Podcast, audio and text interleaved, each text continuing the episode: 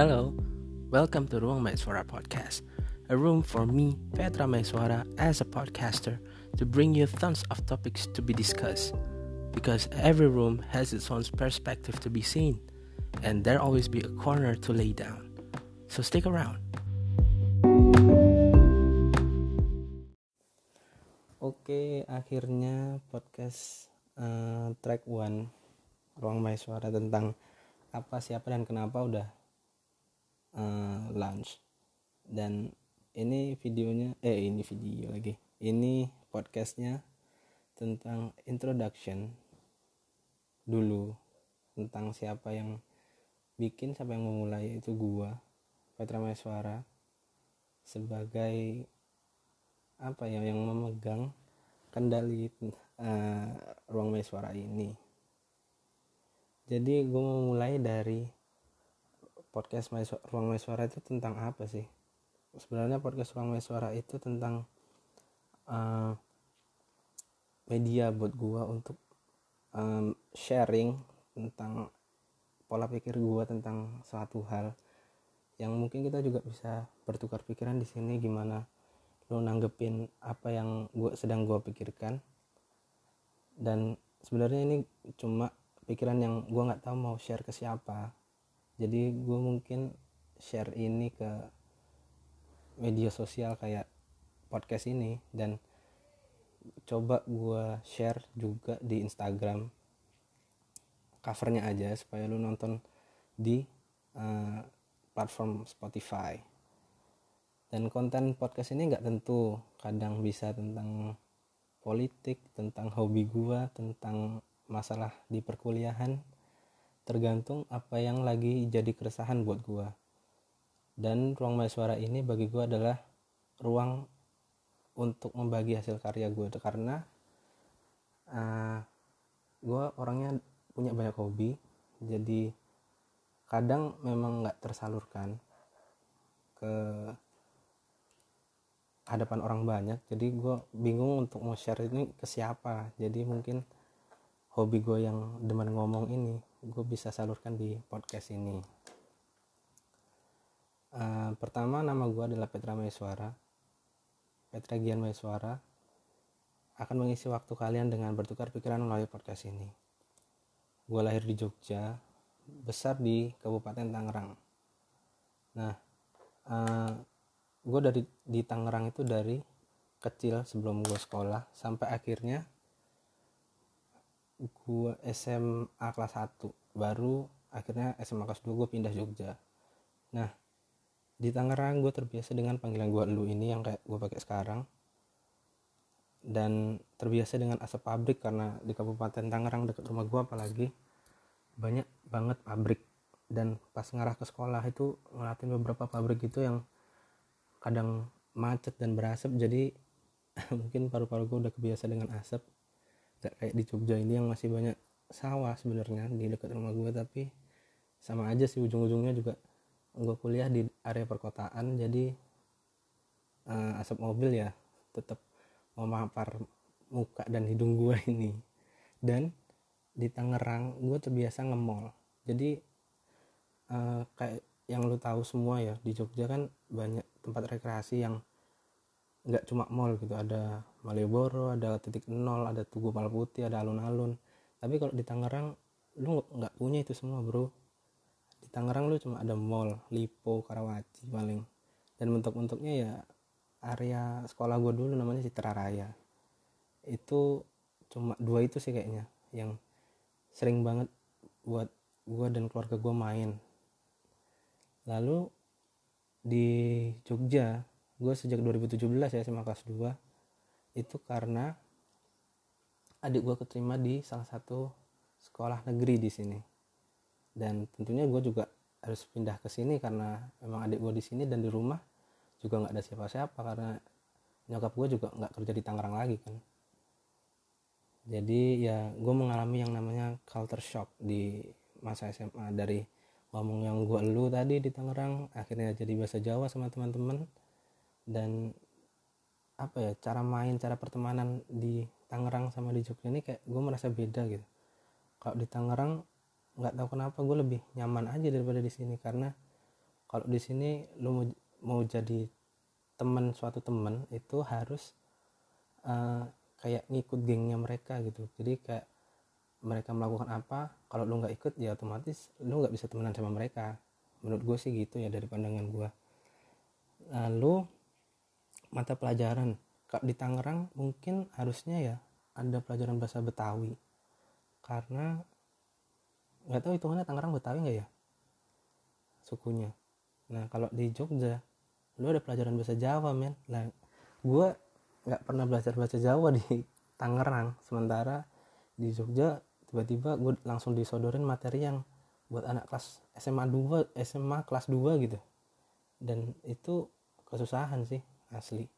Soalnya nggak pernah ngomong aja nggak pernah kan apalagi lu belajar. Bahasa jadi bahasa Jawa itu ada beberapa tingkatan. Ada ngoko. Ngoko itu yang biasa lu pakai buat komunikasi sama teman-teman. Istilahnya uh, bahasa Jawa yang kasarnya lah. Nah, kalau yang di pelajaran itu bahasa Jawa kromo inggil. Kromo inggil itu bahasa Jawa dengan tingkatan yang paling halus yang biasa lu pakai di uh, keraton atau apa ya tempat-tempat yang memang sakral di Jogja. Nah, nah terus mall. Mall kalau di Tangerang itu jadi opsi uh, pertama untuk lu main tempat lu main tapi kalau di sini mall itu kerasa jauh banget soalnya lu banyak punya banyak tempat untuk lu main sama teman-teman lu atau sama keluarga lu. Dan menurut gua opsi paling baik di Jogja itu bukan ke mall sih soalnya uh, apa ya alamnya lebih kerasa. Dan lu kalau misalkan main di mall tuh lu nggak tahu mau ke mana coy. Daripada lu uh, nge-mall kan mending lu cari tempat-tempat makan yang emang cozy dan enak buat nongkrong. Dan bedanya lagi di Tangerang itu lu bisa dapetin makanan yang sebenarnya bisa murah tapi jadi mahal. Kayak misalkan es teh manis aja. Es teh manis dan nasi goreng itu kan makanan standar orang Indonesia ya. Kalau di Tangerang lu bisa dapat teh aja 7000 di Jogja men teh nggak nyampe 3000 jadi kayak uh, eh, gue selama di Jogja ya itu gue merasa tambah lebih gendut aja daripada pas di Tangerang. Soalnya makan gue lebih banyak karena memang di Jogja kan UMR-nya rendah. Dan uh, market di sini menyesuaikan dengan pendapatan orang-orang di sini yang bekerja di sini. Jadi otomatis emang harga di harga makanan itu terutama harga makanan di Jogja ini lebih murah hitungannya daripada lu di Tangerang. Tapi memang lu jadi lebih boros karena uh, culture shock tadi yang biasanya lu makan mahal tapi cuma sekali akhirnya duit yang biasa jadi uang jajan lu di Tangerang bisa lu habisin buat banyak hal di sini. Jadi hitungannya mungkin menurut gue lebih boros. Dan uh, banyak makanan yang nggak gue temuin di Jogja padahal gue suka banget di Tangerang. Misalkan ada dua nih ada dua sebenarnya yang jadi apa ya jadi kerinduan gue buat makan di Tangerang buat gue balik ke Tangerang dan buat makan itu doang gitu kayaknya. Ada namanya satu kue ape dan yang satu cicong fan wah gila itu di Jogja nggak ada men. Lu mau cari ke mana juga di seluruh Jogja nggak bakal ada yang namanya kue ape dan kue Medan itu cicong fan itu padahal itu aslinya enak banget coy. Masa uh, eh, gue bo gue makan di Jogja harus ke Tangerang dulu buat bungkus kue Medan sama kue ape? Kan nggak mungkin juga. Udah basi sampai sini. Terus lulus SMA dengan jeripayah pertemanan yang sangat susah. Gue keterima di salah satu univ swasta di Jogja Karta. Sebenarnya gue pengen banget ke PTN tapi udah ngelawatin hampir semua jenis ujian akhirnya gue keterimanya di swasta juga nggak tahu kenapa ya. Padahal SMA gue di Jogja juga negeri. Dan prodi yang gue ambil adalah arsitektur. Banyak yang mikir arsitektur itu wah keren gila lu bangun gedung gambar lu jago lu bisa lu bisa desain. Dan semacamnya lah yang positif positif padahal arsitektur itu nggak kayak gitu bro arsitektur itu yang yang gue alamin adalah gue jadi nggak pernah tidur. Dan hidup lu nggak tenang karena dikejar-kejar deadline.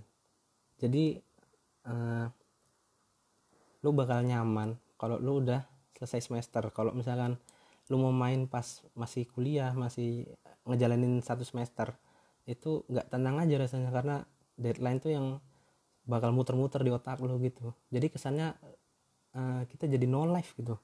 Karena tugas kita kayak cuma kuliah tidur makan. Tidur itu jarang paling kuliah nugas makan. Eh gitu doang. Ya main lu sempet sempetin bisa lah tapi ya uh, resikonya kadang deadline tuh jadi momok buat kita gitu buat ngumpulin tugas. Jadi hasilnya nggak nggak maksimal menurut gua sih ya. Dan kata dosen gue juga lucu nih.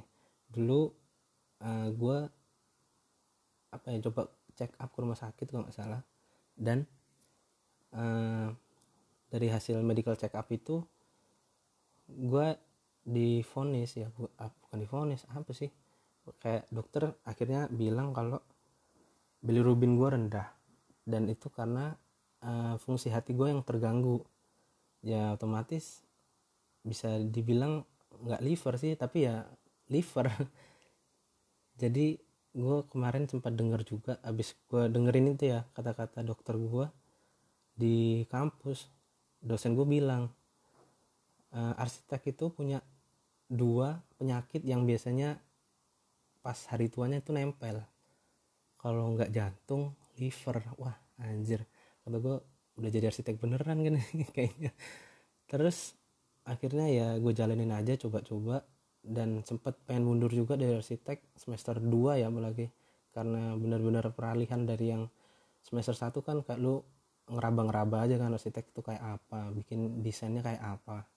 Tapi pas semester 2 pas lu udah mulai bangun bangunan yang beneran yang pakai struktur tuh wah gila rasanya kacau.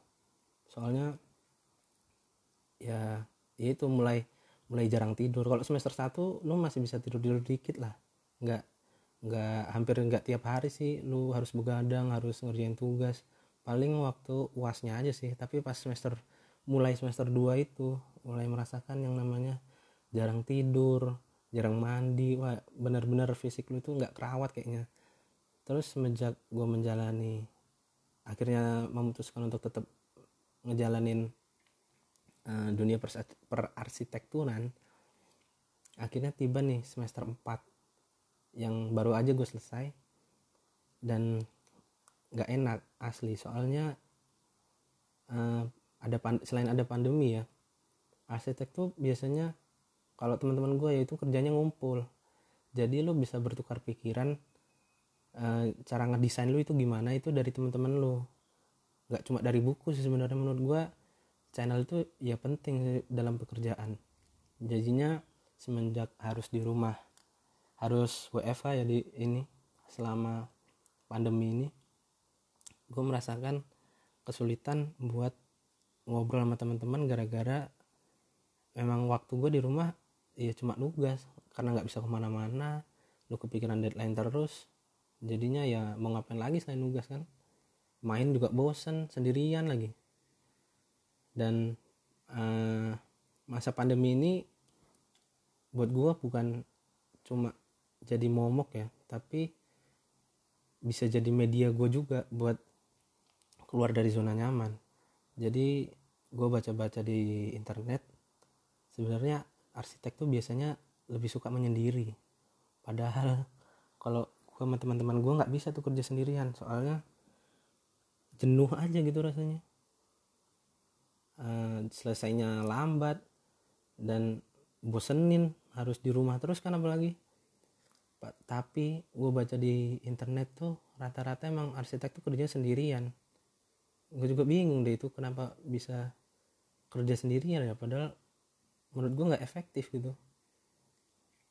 Dan keluar dari zona nyaman mungkin ya itu tujuannya kali ya. Gue harus bisa kerjain apa pun kerjaan gue nanti pas udah gede sebagai arsitek ya mungkin. Uh, dengan cara apa pun. Misalkan lu nggak bisa ngumpul ya lu harus bisa ngerjain itu sendirian. Dan pandemi ini mengajarkan gue untuk mengerjakan itu. Dan beraktivitas di luar rutinitas. Yang biasanya habis selesai ngerjain lu nongkrong sekarang lu habis ngerjain lu lihat teman lu masih ngerjain kayak nggak tenang gitu kan. Waduh kok dia masih ngerjain ya? Gue salah apa nih? Coba gue cek lagi deh. Dan akhirnya waktu lu cuma buat nugas gitu nggak nggak ada main sama sekali nggak ada interaksi sama teman-teman lu keluarga gue aja juga nggak nggak begitu intens kan. Apalagi nyokap gue juga di Medan nggak bisa pulang kejebak uh, apa surat SIKM ya yang lo harus pakai di bandara buat agak biar lo bisa uh, ini naik pesawat. Nggak tahu deh gue nggak nggak begitu concern di situ. Jadinya ya cuma nugas gitu gue di rumah. Dan itu di luar dari kebiasaan gue di luar dari rutinitas gue dan akhirnya gue nyoba belajar hal baru. Dan sebenarnya nggak baru sih gue mulai podcast gini. Sebenarnya kan dulu dari dulu ya gue orangnya itu uh, demen ngomong di depan orang. Dan nggak enak gitu kalau omongan gue nggak didengerin. Dan mulai podcast tuh wah kok aneh nih orang monolog sendirian kan rata-rata juga ngewawancarain orang tapi siapa? Lu di rumah juga nggak ada yang bisa lu wawancarain. Akhirnya uh, eh, gue lihat YouTube apa di YouTube Panji Pragiwaksono Raditya Dika gitu kan stand up komedi. Nah sebenarnya stand up komedi itu gue kenal udah lama dari zaman uh, Suci satu kalau nggak salah. Itu tahun berapa ya? Si Rian Adrian dia itu yang juara satu. Nah dari situ gue sebenarnya udah suka yang namanya stand up komedi dan pernah ada gue inget banget nih waktu SMP ada tugas bahasa Indonesia nih.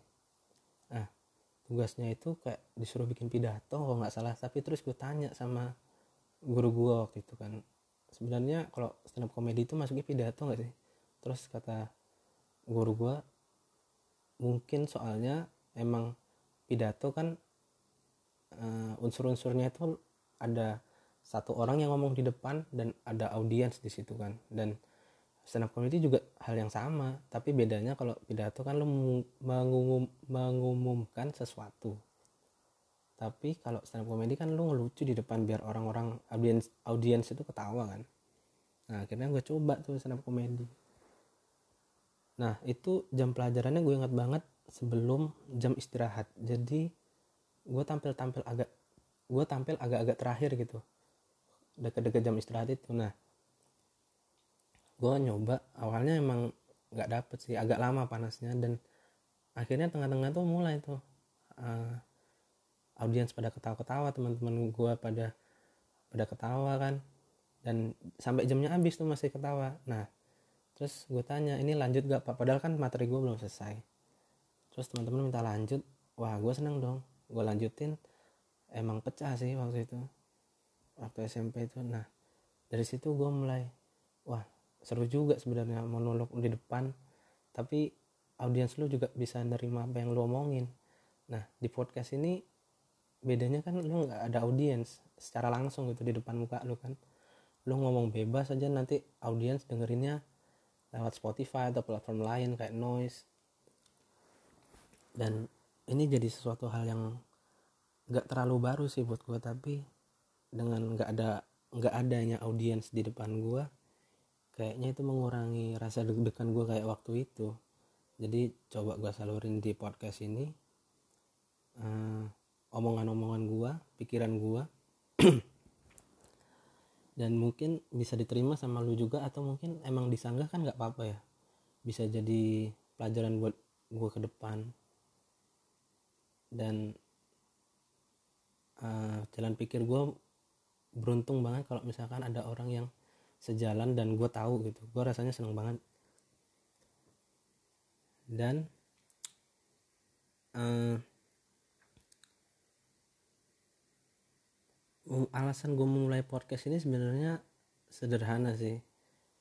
Karena hobi gue kan sebenarnya yaitu satu ngedesain kuliah bosen kan. Baru selesai kuliah masa lu kerja lagi? Hal yang sama kayak waktu lu kuliah kan. Mending lu ngerjain yang lain biar gak biar gak itu itu aja yang lu kerjain. Nah hobi gue selanjutnya itu fotografi. Fotografi lu mau gimana? Lu nggak bisa keluar nggak bisa jalan-jalan buat nyari view buat hunting. Akhirnya gue coba ningkatin lah uh, obses gue terhadap uh, ngomong di depan orang. Nah beruntung banget nih ada anchor buat media gue buat bikin podcast dan bisa langsung sync ke Spotify. Jadi bisa lu dengerin juga semua omongan gue yang nggak terlalu penting sih sebenarnya tapi ya coba gue share lah ke lu semua biar biar apa ya biar gue gue nggak merasa sendiri lah ngomong di rumah sendirian yang dengerin. Akhirnya uh, eh, gue coba nulis skrip nggak uh, tahu sih sebenarnya mau mulainya gimana tapi akhirnya jadi juga sih. Dan semoga ya ke depan konten gue makin makin bermutu. Nggak nggak cuma asal ngomong doang. Jadinya bisa jalan terus lah ini hobi gue ini. Dan kita lagi ngejalanin yang namanya di normal. Setelah lockdown di mana-mana kan nggak boleh keluar seperlunya aja keluar tapi tetap aja ada yang ngeyel namanya Indonesia kan. Peraturan buat dilanggar akhirnya dari pemerintah keluar yang namanya new normal. Sebenarnya buat lo itu apa sih new normal? Kalau gua itu ya tadi sama kayak uh, efek positif dari pandemi ya. New normal buat gua itu gimana kita bisa menciptakan hal baru dari hal yang belum pernah kita lakukan dan itu menjadi kebiasaan baru buat kita dan itu ngubah kita jadi pribadi yang jauh lebih baik yang lebih positif gitu. Uh, sebenarnya tetap gue ngerasa sama aja sih nggak ada perubahan gini-gini tapi mungkin positifnya. Gue jauh jadi lebih berinovasi dengan konten-konten gue dari yang uh, cuma ngedesain terus fotografi akhirnya gue nambah satu lagi kalian yaitu ngomong di depan orang yang mungkin sekarang orangnya nggak ada di depan tapi gue bisa menyampaikan pola pikir gue ke orang-orang. Jadinya gue merasa lebih positif aja melakukan hal yang yang nggak buruk lah seenggaknya. Nah esensi pandemi buat gue juga itu perubahan ke arah yang lebih positif nggak nggak harus konten sih sebenarnya. Lo bisa ngubah dari kebiasaan lo yang cuma rebahan terus akhirnya bosan kan lu rebahan terus akhirnya lu coba melakukan aktivitas kayak olahraga kayak apa kayak masak. Nah, masak tuh juga banyak yang orang awalnya itu nggak bisa masak. Uh, ya dunia permasak masakan itulah. Tapi sekarang banyak kan tuh ada dalgona coffee terus ada macam-macam kan di IG itu banyak kreasi-kreasi masakan yang sebenarnya dari orang yang nggak bisa masak tapi akhirnya muncul dari kebosanan itu muncul ide yang akhirnya lu bisa nambah satu kalian lagi gitu. Jadi lu bergerak ke arah yang positif bukan dari yang lu bosen akhirnya lu nyoba hal-hal yang buruk kayak apa tuh kayak narkoba narkoba tuh kan ah kacau. Gila itu saking stresnya mungkin ya. Nggak ada kerjaan nggak bisa dapat pendapatan akhirnya lu jatuh ke hal yang buruk gitu. Beruntung banget kalau misalkan lu gak jatuh di situ malah lu bergerak ke arah yang lebih positif gitu. Nah dari gua mungkin segitu dulu buat introductionnya. Selamat menjalankan new normal buat teman-teman yang uh, di Jakarta mungkin ya di Tangerang. Habis lockdown akhirnya lu bisa keluar bisa gak jalan-jalan sih. Ya keluar secukupnya aja lah ya sebutuhnya aja. Kalau emang lu lapar lu keluar tetap jaga jarak tetap uh, apa ya mempertahankan kebiasaan sehat lu yang cuci tangan mandi dua kali sehari ya kan? Tuh buat teman-teman arsitek tuh mandi dua kali sehari tuh jangan dua kali seminggu. Terus apa ya tetap sehat lah tetap dalam metabolisme yang bagus. Tetap beraktivitas tetap berjemur tetap apa ya tetap menjadi diri lu sendiri dengan kebiasaan positif yang bertambah lah. Uh, have a great day. See you on the next track. Thank you.